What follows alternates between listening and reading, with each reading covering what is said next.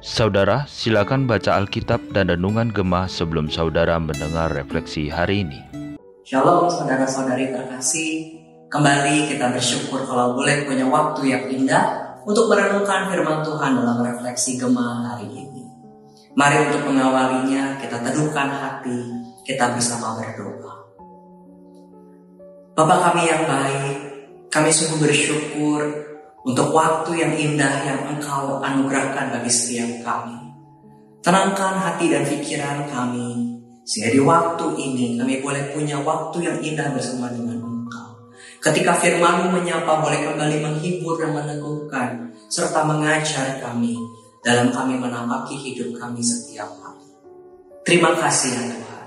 Inilah doa kami, dalam nama anak Yesus Kristus kami berdoa. Amin. Saudara-saudari terkasih, renungan hari ini terambil dari 2 Yohanes pasal yang pertama dengan sebuah tema, tetaplah di dalam ajaran Kristus. Untuk bagian firman Tuhan ini saya hanya akan membacakan ayat yang pertama sampai ayat yang kelima dan silakan Bapak Ibu sekalian dapat menyebar waktu khusus untuk membaca keseluruhan pasal ini. Dari penatua kepada ibu yang terpilih dan anak-anaknya yang benar-benar aku kasihi, Bukan aku saja yang mengasihi kamu, tetapi juga semua orang yang telah mengenal kebenaran. Oleh karena kebenaran yang tetap di dalam kita dan yang akan menyertai kita sampai selama-lamanya. Kasih karunia rahmat dan damai sejahtera dari Allah Bapa dan dari Yesus Kristus, anak Bapa akan menyertai kita dalam kebenaran dan kasih. Aku sangat bersuka cita bahwa aku mendapati bahwa separuh dari anak-anakmu hidup dalam kebenaran sesuai dengan perintah yang telah kita terima dari Bapa. Dan sekarang aku minta kepadamu, Ibu, bukan seolah-olah aku menuliskan perintah baru bagimu, tetapi menurut perintah yang sudah ada pada kita dari mulanya, supaya kita saling mengasihi. Sampai sedemikian pembacaan firman Tuhan. Saudara-saudari terkasih, sedikit pengantar pada surat yang hanya terdiri dari satu pasal ini. Rasul Yohanes menuliskan surat ini khusus untuk seorang ibu di gereja lokal beserta dengan anak-anak rohani. Mengapa surat ini ditulis secara khusus untuk ibu itu? Kemungkinan ibu itu adalah pemimpin gereja lokal yang berpengaruh dan hidupnya menjadi teladan di tengah jemaat. Dan surat ini ditulis di tengah satu masa penganiayaan bagi umat Kristen. Itulah mengapa akhirnya tidak ada nama spesifik yang disebutkan dalam surat ini.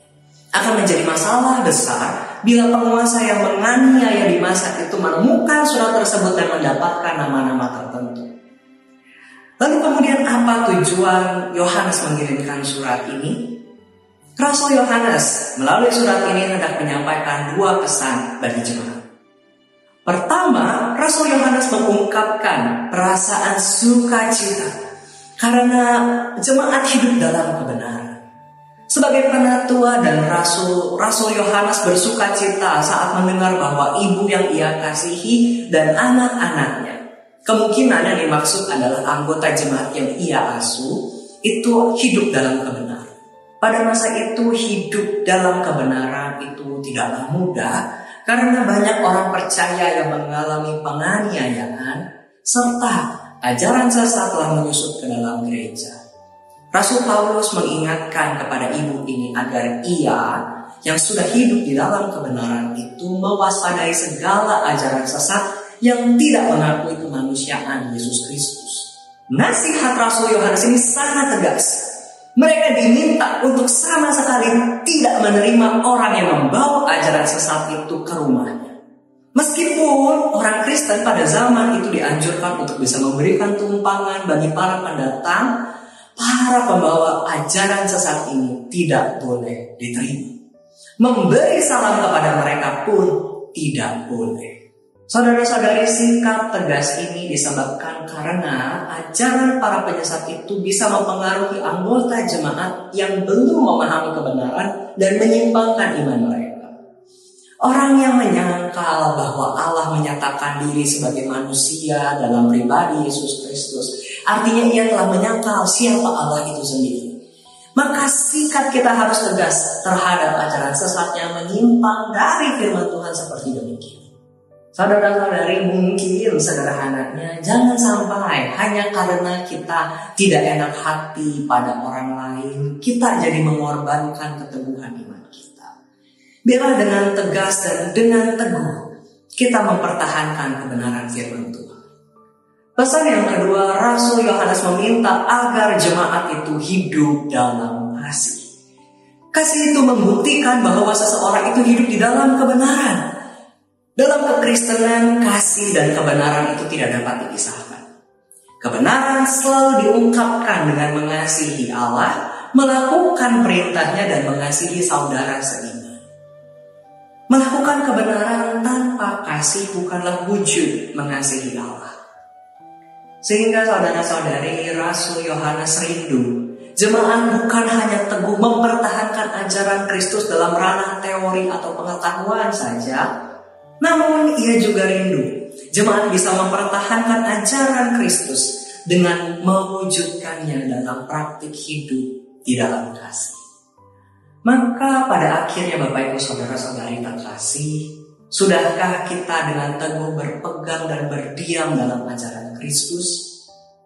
Secara teori, kebenaran firman Tuhan itu menjadi pegangan dalam kehidupan Anda dan dengan tegas menolak segala ajaran sesat. Serta dalam praktik, biarlah ajaran Kristus itu terungkap nyata dalam sikap kita mengasihi sesama. Mari kita berdoa. Bapak kami yang di surga, terima kasih untuk sebuah pengingatan yang indah. Bagi kami untuk terus tetap berpegang, tetap berada dalam pengajaran Yesus Kristus. Tuhan ajarlah kami agar kami boleh terus berdiam, berpegang teguh kepada pengajaran yang sesuai dengan firman Bukan hanya di dalam ranah pengetahuan kami, tetapi di dalam praktik kehidupan setiap hari dalam hidup kami. Kami bukan hanya mampu mengungkapkan apa yang menjadi iman kami dalam kata-kata, tetapi kami dapat mewujudkannya di dalam perbuatan kami, dalam tindakan kasih kami setiap hari. Tuhan tolonglah kami, mampukan kami, agar kami sungguh dapat terus berdiam tinggal dalam pengajaran. Terima kasih ya Tuhan, hanya dalam nama anak Yesus Kristus kami berdoa. Amin.